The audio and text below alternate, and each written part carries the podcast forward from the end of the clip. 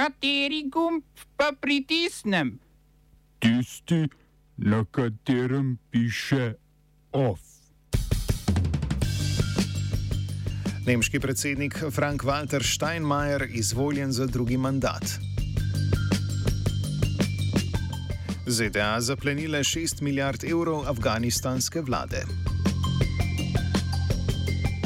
Ustavno sodišče zadržalo zvišanje plače za zdravnike in zobozdravnike. V kreativni inšpekciji zadnja večerja Društva oblikovalcev Slovenije.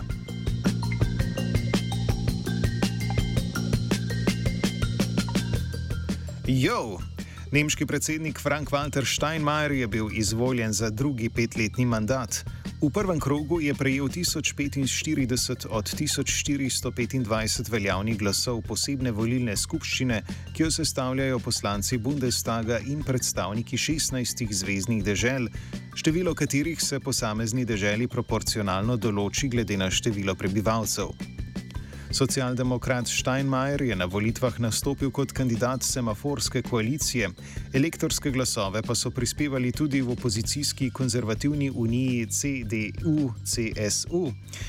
Kandidat alternative za Nemčijo Max Ote je dobil 140 glasov, Gerhard Trabert iz Levice 96 glasov, Stefani Gebauer pa, pa 58. 86 elektorjev se je glasovanja vzdržalo, 12 pa jih je oddalo neveljavno glasovnico. Pooblastila nemškega predsednika so sicer zelo omejena, zato je njegova vloga predvsem protokolarne narave.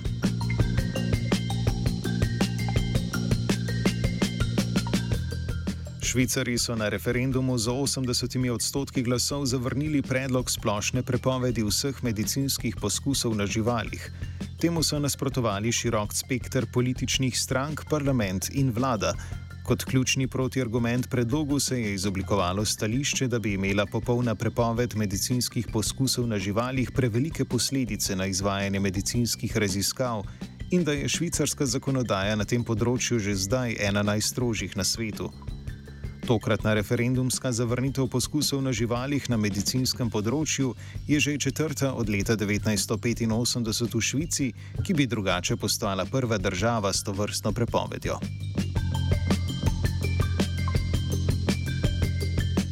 Švicari so se obenem odločali še o treh referendumskih vprašanjih.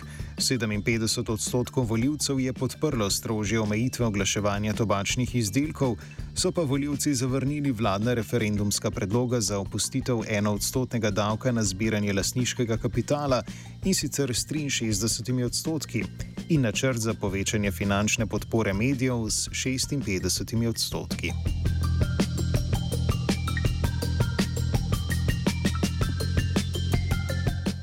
Združene države Amerike so ukradle oziroma zaplenile nekaj več kot 6 milijard evrov premoženja afganistanske vlade, ki jih v obliki 22 ton zlatih palic hrani New Yorkska izpostava Ameriške centralne banke. Dostop do zlatih rezerv so ZDA talibski vladi Afganistana sicer že avgusta lani onemogočile. Sedanjo selitev oziroma odtujitev zlatih palic iz ene v drugo kletko v kleteh centralne banke na jugu Manhattna je s podpisom izvršnega ukaza omogočil predsednik Joe Biden. Po trditvah njegove administracije bodo polovico premoženja namenili humanitarnim organizacijam, ki se ukvarjajo s pomočjo Afganistancem, polovica pa bo ostala v ZDA.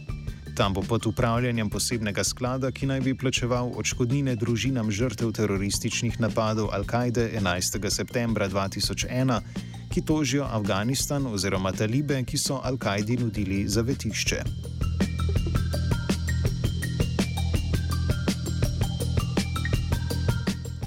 Po šestdnevni zapori je včeraj opoldne po lokalnem času znova stekel promet po ambas ambasadorjevem mostu, ključni mostovni povezavi med Kanado in Združenimi državami Amerike.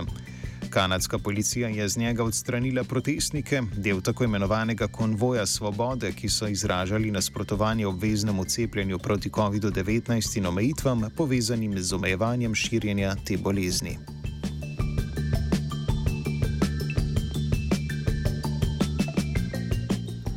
Čez ambasadorjev most, ki povezuje kanadsko mesto Windsor v Ontariju in ameriški Detroit v Michiganu, poteka več kot četrtina blagovne menjave med sosedama in med 60 in 70 odstotkov komercialnega prometa tovornjakov v regiji. Posebnost mostu je, da je eden redkih mejnih povezav v zasebni lasti. Prek podjetij ga po smrti milijarderja Manuela Moruna leta 2020 obvladuje njegova družina. Morun je z lobiranjem tudi dosegel, da ni bil postavljen še en most, ki ga je želela zgraditi Kanada, zaradi česar je tu promet izredno gost. Gospodarska škoda, nastala kot posledica protesta, je le v avtomobilski industriji, Detroitskem paradnem konju, ocenjena na 750 milijonov evrov. Avtomobilska podjetja Ford, General Motors in Toyota so bila zaradi zapore mostu namreč prisiljena v začasno ustavitev proizvodnje oziroma zaprtje tovaren.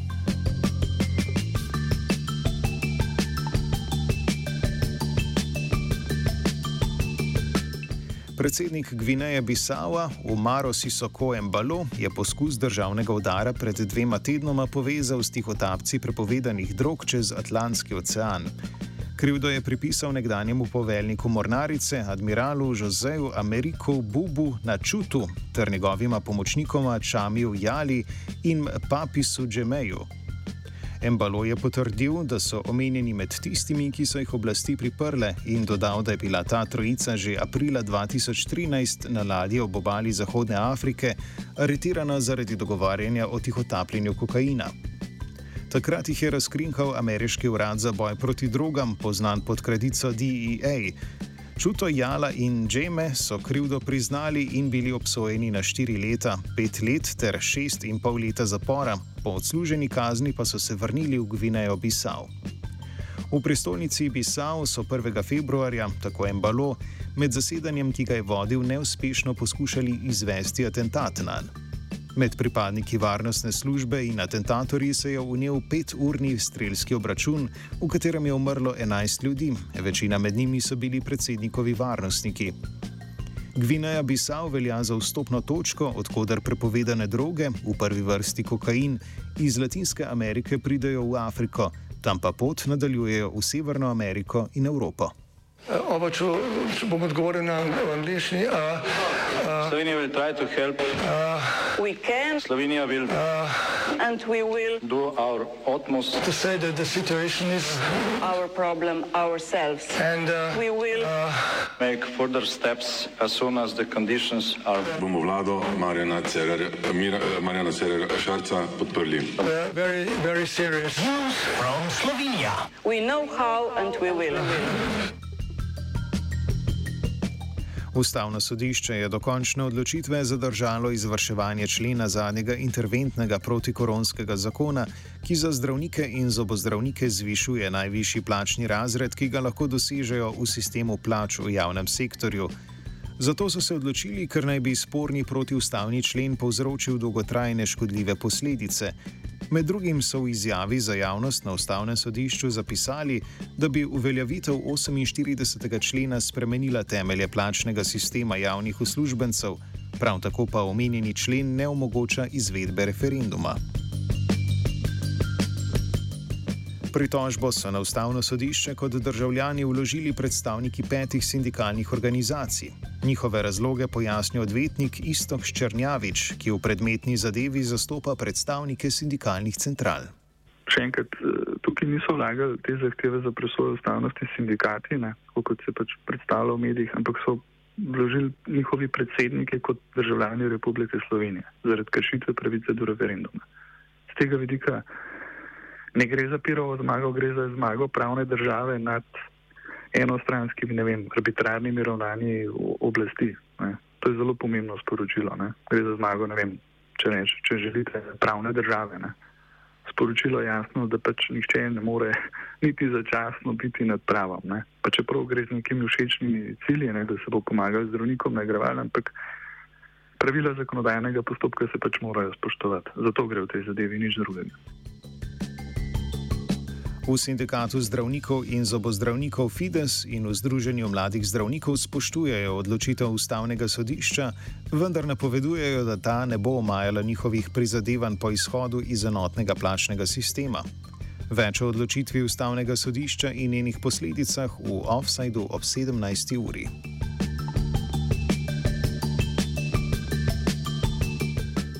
Medtem so pogajanja vlade s sindikati zdravstva, socialnega varstva in zdravstvene nege predstavljena na jutri, ker vlada ni pripravila novih pogajalskih izhodišč. Sindikati, ki predstavljajo zaposlene v zdravstvu, ki niso zdravniki, so sicer za sredo napovedali stavko zahtevajo začetek pogajanj v skladu z dogovorom o nujnih ukrepih na področju plač v zdravstvu, sklenjenem novembra lani, in sprejetje standardov in normativov v zdravstvu, kar je bilo dogovorjeno z vlado pred tremi leti in pol.